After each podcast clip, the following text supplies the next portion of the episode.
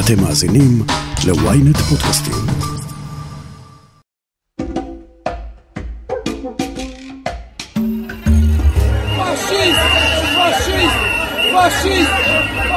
כך התקבל מוקדם יותר השבוע שמחה רוטמן בקמפוס אוניברסיטת תל אביב. מאות מפגינים חסמו את דרכו של יושב ראש ועדת החוקה של הכנסת, ומי שמוביל את החקיקה המשפטית, והפריעו לכנס שבו היה צפוי להשתתף.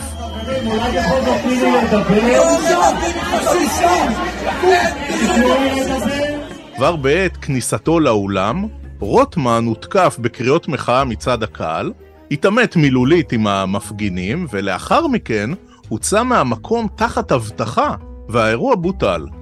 שום דבר ברפורמה המשפטית לא פוגע בכלכלה. מה שפוגע בכלכלה זה אנשים פה בחוץ שצועקים זאב זאב, וכן, בכלכלה יש השפעה לזאב זאב.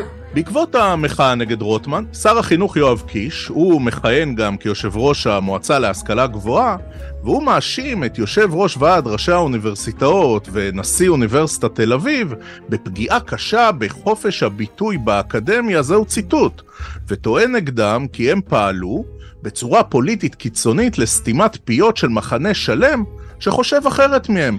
זה גול עצמי מפואר. אנחנו באוניברסיטת תל אביב יכולים לשמוע גם דעות שלא נעימות לנו. ראשי האוניברסיטאות, הם לא נשארו חייבים, ותקפו חזרה את שר החינוך קיש. אתה מבקש אקדמיה כנועה, אבל אנחנו נמשיך לאפשר חופש ביטוי.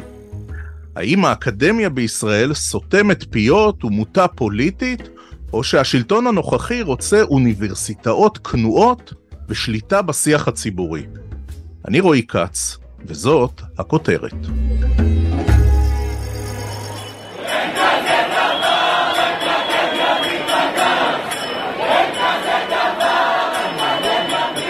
בחודשים האחרונים התייצבה האקדמיה הישראלית כמעט במלואה נגד הרפורמות המשפטיות שמקדמת הממשלה ופעלה אקטיבית נגד מה שהיא מכנה ההפיכה המשטרית.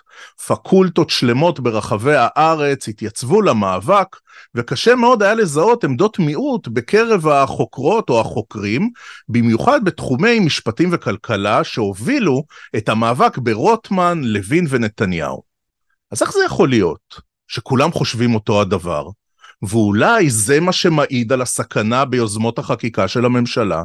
פרופסור רבקה כרמי, נשיאת אוניברסיטת בן גוריון בנגב לשעבר, ומי שעמדה בעבר גם בראש ועד ראשי האוניברסיטאות בישראל, מתנגדת נחרצות למהלכים של הממשלה, אך מזהה קושי בהבעת עמדת מיעוט באקדמיה הישראלית.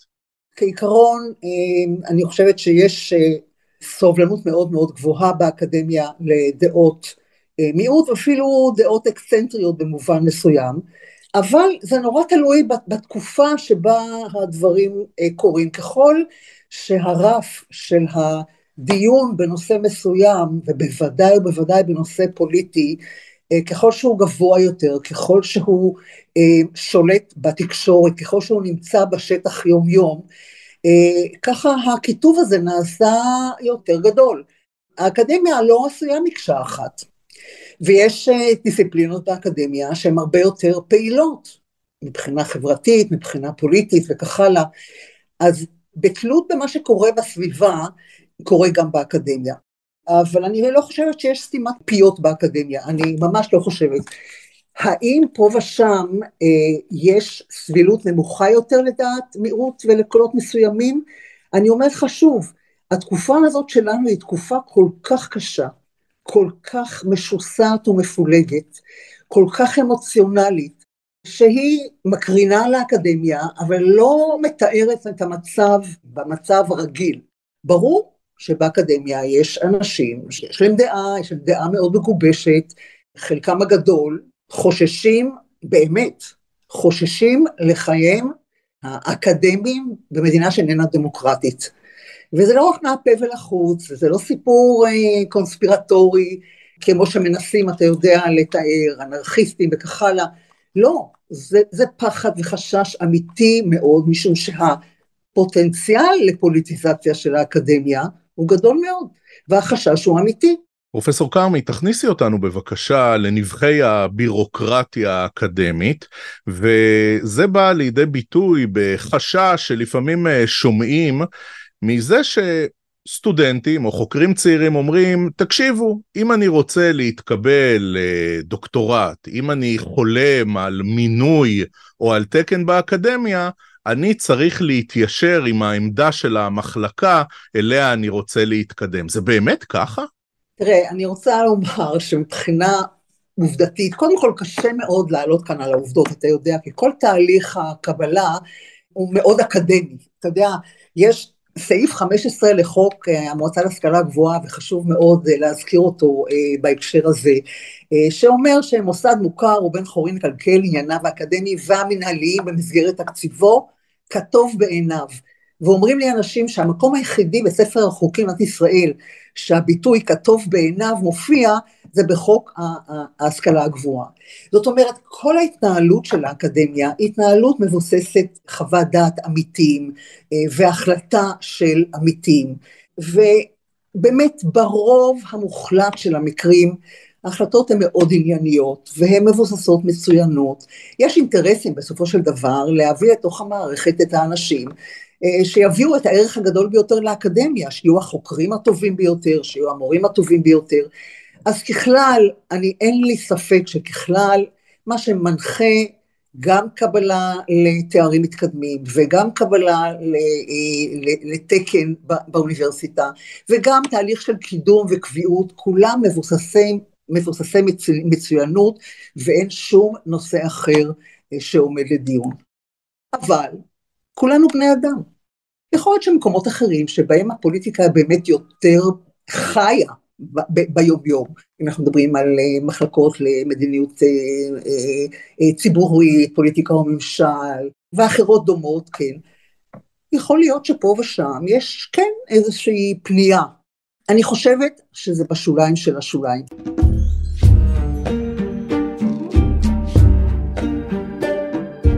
היכולת ללכת נגד הזרם איננה אתגר חדש. וכך גם התמיכה או ההתנגדות של האקדמיה המקומית למהלכים פוליטיים שנתפסים כנועזים והכרחיים, או להבדיל, מסוכנים ומאיימים על הדמוקרטיה.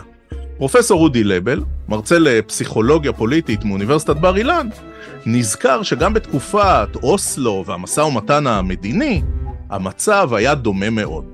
אני בהחלט זוכר כמי שהעז אה, לפקפק בלשון המעטה בלגיטימציה ובחוכמה של הסכמי אוסלו, שבאמת היה קשה מאוד לתפקד בתקופה ההיא, בקרב הרבה מאוד חברים שלא הפסיקו לשבח את התהליך ההוא, אבל אני חושב שאני יכול להצביע על הבדל מאוד משמעותי אז והיום.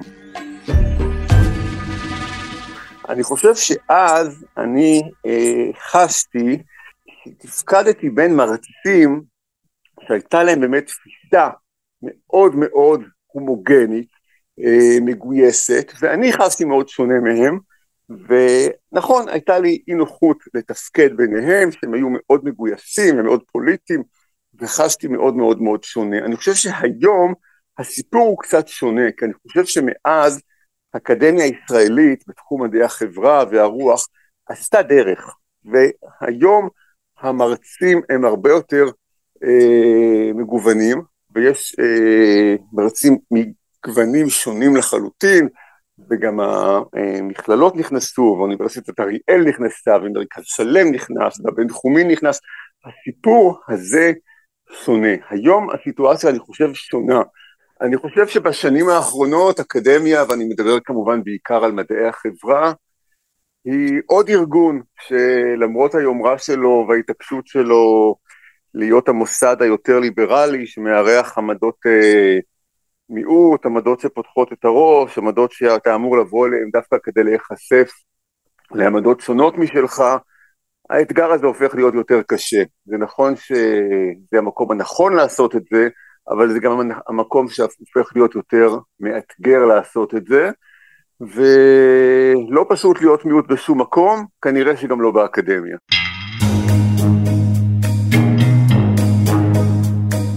צריך להגיד, קשה עד בלתי אפשרי לזהות סתימת פיות, ובהיעדר הוכחות או עובדות בשטח, קל גם לבטל את הטענות. אבל מה אם בכלל המחיר האקדמי או התעסוקתי שיכולים לשלם מי שבוחרים לבטא בקול רם עמדות אופוזיציוניות או ללכת חזק נגד הקונצנזוס? האם הקידום שלהם יכול להיפגע, תקציבי מחקר, או אולי אפילו קבלת תקן או קביעות? הודעה קצרה ומיד ממשיכים עם הכותרת. אבל רגע לפני, יש לנו סקר. כתבו לנו למייל פודקאסט את ynet.co.il מה אתם חושבים על הפודקאסט שלנו, והשתתפו בסקר מאזיני הכותרת. אנחנו כבר חוזרים. ynet פלוס החדש עם הסיפורים הכי מעניינים ומיטב הכותבים. חודש ראשון בחמישה שקלים ותשעים בלבד. למצטרפים חדשים כפוף לתנאי השימוש.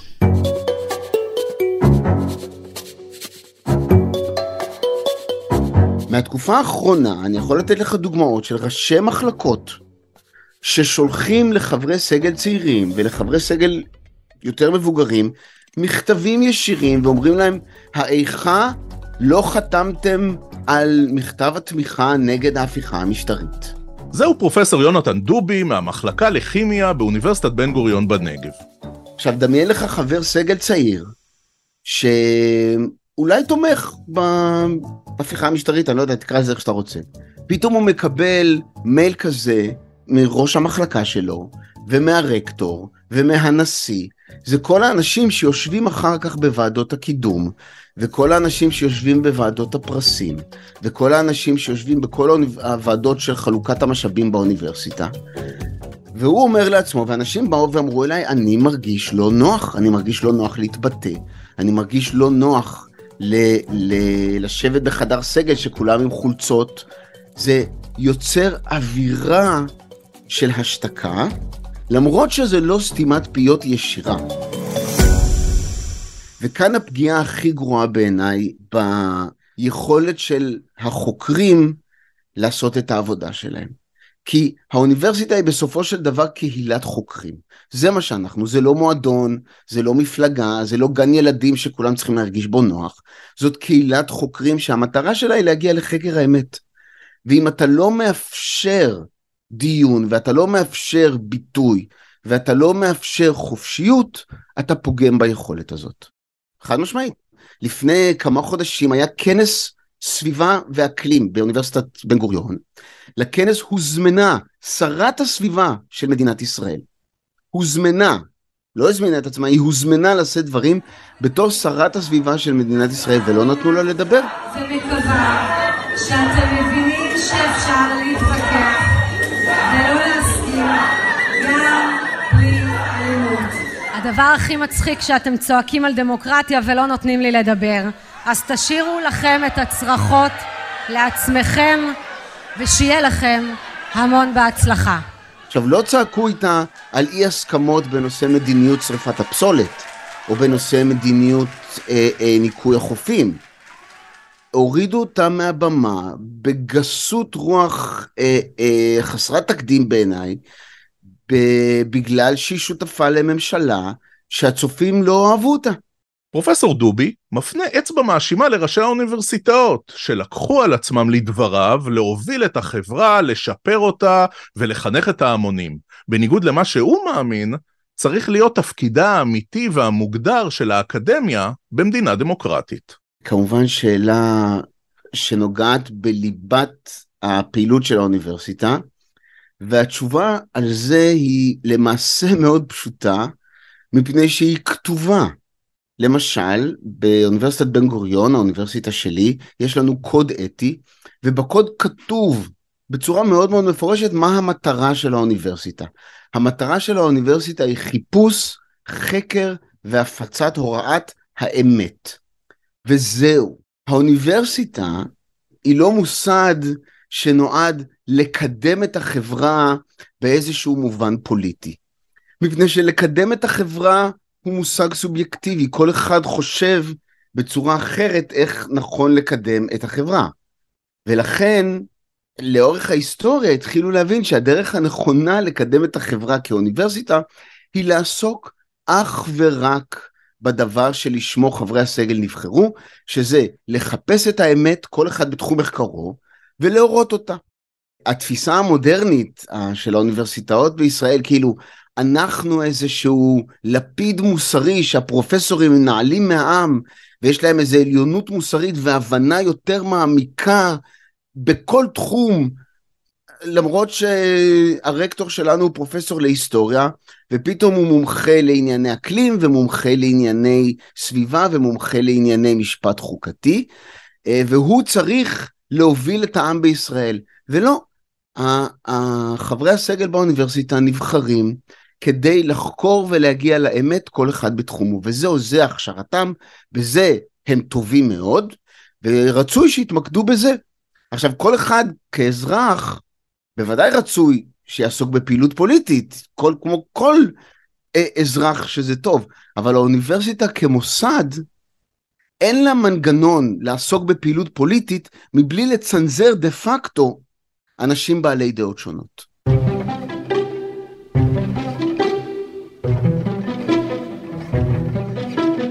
חזרה למסדרונות ולכיתות הלימוד באוניברסיטאות. בעוד הפוליטיקאים לוחצים וראשי המוסדות מתגוננים וגם תוקפים חזרה, פרופסור רודי לבל מזהה את האיום על האקדמיה דווקא במפגש בין המרצים לסטודנטים, ובקושי של האחרונים לשמוע עמדות שונות ממה שהכירו בבית או ברשת החברתית. היום הבעיה היא אחרת, או האתגר הוא אחר. אני חושב שהיום הקהלים שונים, הסטודנטים שונים. אה, מרצה שנכנס היום, האתגר הפוליטי, אם נקרא לזה ככה במרכאות או שלא במרכאות, הוא אחר. האתגר הוא איך לתפקד כאקדמאי, איך לגרום לאקדמיה למלא את תפקידה, איך לגרום לכך שאתה כאקדמאי תמלא את תפקידך כמי שאמור לאתגר סטודנטים ולא לחשוש ששם למטה יהיו מי שלא כל כך יאהבו את העובדה שאתה בא להציג עמדה אלטרנטיבית, עמדה אחרת, עמדה מאתגרת. סטודנטים לא בהכרח אה, באים בראש פתוח להיחשף לעמדה שהם לא מכירים מהבית. סטודנטים יותר באים מתוך קהילות השיח שלהם, פחות מודעים לעובדה שהאקדמיה אמורה לאתגר אותם, יותר על אוטומט מלינים על העובדה שהם שמעו משהו שאולי חורג מתוך עמדות הבית שלהם, יותר פועלים כאנשים שרוצים יותר שיאשררו להם עמדות מוכרות, מלינים על מרצים שסוטים מתוך משהו שנשמע להם פחות מדי פטריוטי, פחות מדי ציוני, פחות מדי יהודי, פחות מדי דמוקרטי, וחושבים שהאקדמיה אולי אמורה להיות איזשהו המשך לקהילות מוכרות ופחות מדי קהילות מאתגרות, ואני חושב שהאתגר הוא אחר היום, האתגר הוא איך להבהיר שהאקדמיה היא לא מקום שאמור להיות אה, עוד בית ספר, אלא עוד מקום שמאתגר חשיבה. בסוף האקדמיה המקומית היא חלק מהקולאז' הישראלי, הקולני, המקוטב, האגרסיבי. פרופסור רבקה כרמי מזהה שהשיח הברוטלי, זה שאינו מסוגל להכיל עמדת מיעוט, משתלט פה על כל המרחבים. כן, גם זה האקדמי. מה שאותי מדאיג יותר מהכל זה שיש תחושה לתלמיד, כן, שרוצה להמשיך בתואר אה, מתקדם, שכן או לא יקבלו אותו בגלל דעותיו הפוליטיות, אותי זה מאוד מטריד. זאת אומרת שיש איזו תחושה קשה למיעוט אה, להתבטא, ואתה יודע, זה לא פעם ראשונה שאני שומעת את זה בחודשים האחרונים. אה, שזה לא שמשתיקים באופן, אה, אה, באופן ברוטלי, לפעמים כן קצת, אבל, אבל באמת לא, לא בא, באופן שגרתי, אבל האווירה היא כזאת שאנשים חוששים להביע את דעתם, וזו הבעיה הגדולה שלנו. זה, זה המצב הקשה שהביאו אותנו אליו. שאנחנו מפולגים, ואנחנו מסוכסכים, ואנחנו לא מאמינים אחד לשני, ואנחנו לא רק האינטרפרטציה של העובדות היא כבר לא אה, אה, אה, דומה, העובדות עצמן שמביאים. לא בדוקות, בוודאי לא עד הסוף, אנחנו נורא מבולבלים, אה, ואני לא אתפלא שהאנשים באקדמיה, כאלה ואחרים, מרגישים אותו דבר, מרגישים שהם דחויים, מרגישים שהם לא נשמעים, מרגישים שקולם אה, אה, לא שווה לקול, לקול של הקונצנזוס כביכול באקדמיה, ועם הדבר הזה, בדבר הזה צריכים לטפל לדעתי. פרופסור כרמי, את לא זרה לעמדה אופוזיציונית לקונצנזוס. בפעם האחרונה שזה קרה זה היה בסוגיות הקורונה. יכול להיות שהאקדמיה הישראלית משקפת את החברה הישראלית, שבה אין באמת סבלנות או סובלנות לעמדת מיעוט. יש רוב והוא רוצה לכפות את דעתו. זה רק קורה כל פעם בנושא שונה. כשזה בא לאקדמיה, אני אומרת שוב, במצבים רגילים בעבר, אז זה היה, אבל באמת זה לא היה משהו בולט. אה, ככל שהמצב הקצין, הקורונה הייתה מצב קיצוני ביותר, הנושא היום של ההפיכה המשטרית קיצוני ביותר, ובאופן טבעי, כן, אה, באקדמיה יש, אה, אין קונצנזוס כמובן, אבל יש נטייה לצד אחד של המפה. הפוליטית, האידיאולוגית, כן, הליברלית אם תרצה, ולכן אני גם נורא רגישה לנושא הזה, כן, של דעת המיעוט. אתה יודע, יש דעות מיעוט שאני שומעת, שאני מתחלחלת, ש, שלא נעים לי לשמוע, קשה לי לשמוע אותם, אבל אני מתעקשת לשמוע אותם.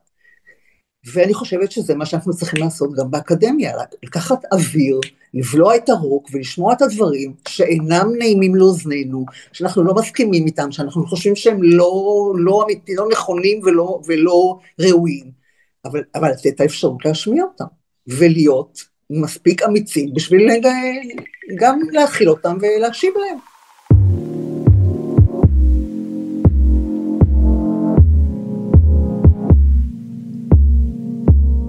קשה עד בלתי אפשרי, ואולי גם אסור, לנהל את הדיון על חופש הביטוי באקדמיה מבלי לנקות את רעשי הרקע של הפוליטיקה והצורך של הפוליטיקאים אז ועכשיו לשלוט בשיח.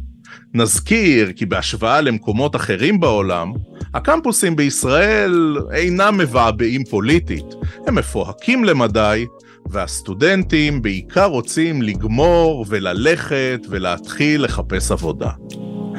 ועד כאן הכותרת להפעם. תודה לפרופסור רבקה כרמי, לפרופסור יונתן דובי ולפרופסור אודי לבל, ותודה לכם שהאזנתם.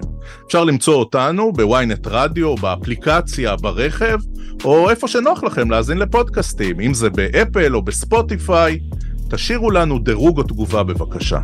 על הדרך, האזינו לפרק נוסף שלנו על אנשים אחרים בעמדות מפתח שמתמודדים עם סתימת פיות, חפשו את הפרק המהפכה המשפטית קורעת את הליכוד. תודה לכל צוות הכותרת, ישי שנר, שרון קידון וגיא סלם, אני רועי כץ, להתראות בפרק הבא.